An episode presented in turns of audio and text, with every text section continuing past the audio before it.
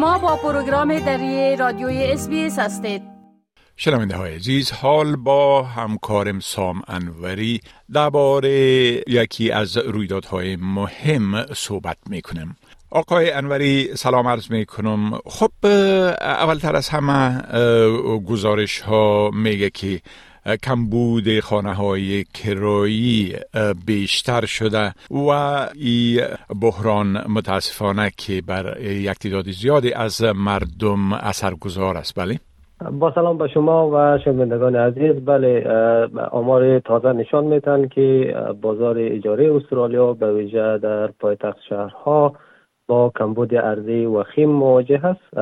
گزارش اجاره یا کرایه خانه شرکت پراپ ترک که روز دوشنبه منتشر شد نشان میده که شماره شمار خانه های موجود برای کرایه در ماه سپتامبر به پایین ترین حد خود در ده سال اخیر رسیده و 5.7 درصد نسبت به سال گذشته کاهش داشته.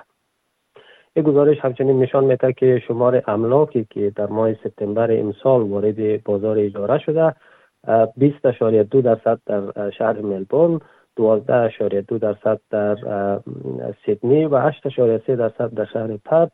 نسبت به سپتامبر سال قبل کمتر بوده.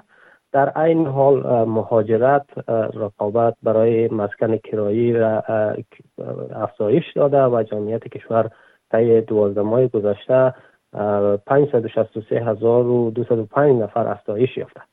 تقلا برای کرایه کردن مسکن بر قیمت ها هم تاثیر گذاشته به طوری که کرایه نشینان شهری به طور متوسط 550 دلار در هفته کرایه پرداخت می‌کنند که 70 دلار یا 14.6 درصد بیشتر از عین زمان در سال گذشته است. با این حال کرایه خانه در شهرهای خوبارد و کانبرا در سه ماهه سپتامبر به ترتیب 7.4 درصد و 3.2 درصد کاهش یافته است. بله. خب همچنان گفتم میشه که بحران کرایه یا کمبود شدید منازل کرایی بر توان خرید منازل هم اثر می‌گذاره. اگه در این باره یک مقدار توضیحات بتین. بله کرایه بالا شرایط را برای کسانی که می‌خواهند برای اولین بار خانه خود بخرند هم دشوار کرده زیرا از یک سو نمی‌تونند که پسنداز کنند و سوی دیگر تورم بالا ظرفیت قرضگیری اونها را هم کاهش داده. کمرون کوشر مدیر تحقیقات اقتصادی و نویسنده گزارش کلاب ترک میگه که تا زمانی که خانه های بیشتری در کشور ساخته نشه وضعیت به همین منوال ادامه پیدا خواهد کرد. او میگه که از این به بعد ما انتظار داریم که نرخ کرایه در شهرهای اصلی به دلیل عرضه کم و تقاضای زیاد به صعود خود ادامه بده.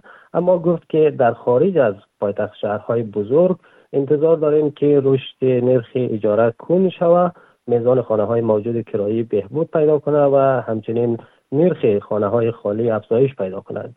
مقدار خانه های خالی افزایش پیدا کند.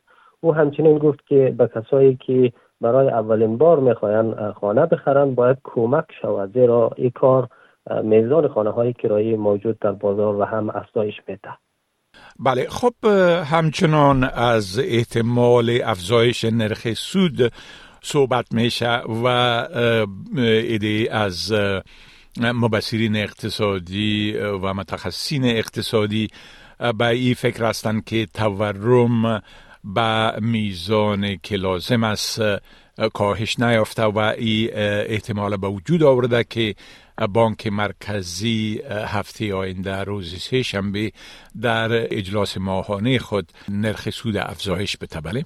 بله بانک مرکزی استرالیا در ماه اکتبر برای چهارم چهارمین ماه متواتر نرخ سود را در 4.1 درصد ثابت نگه داشت.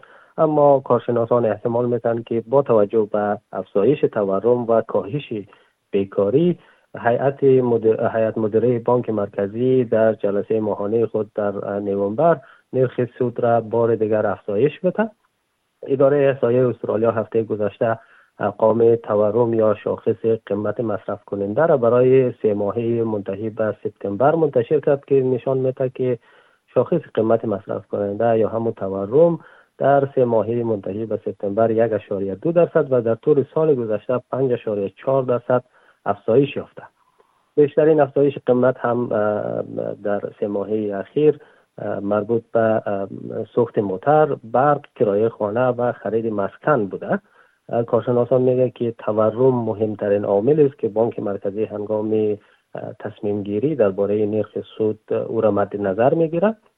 عامل مهم دیگری که بانک مرکزی مد نظر می‌گیره ارقام بیکاری است که مطابق ارقام اداره احصایه در ماه سپتامبر میزان بیکاری از 3.7 درصد به 3.6 درصد سقوط کرده. بله خب بسیار تشکر آقای انوری از این معلوماتتان و فعلا شما را به خدا می سپارم و روز خوش برتان آرزو می کنم تشکر از شما وقت خوش. می خواهید این گونه گزارش ها را بیشتر بشنوید؟ با این گزارشات از طریق Apple Podcast، Google Podcast، Spotify و یا هر جایی که پادکاستتان را می گیرید گوش دهید.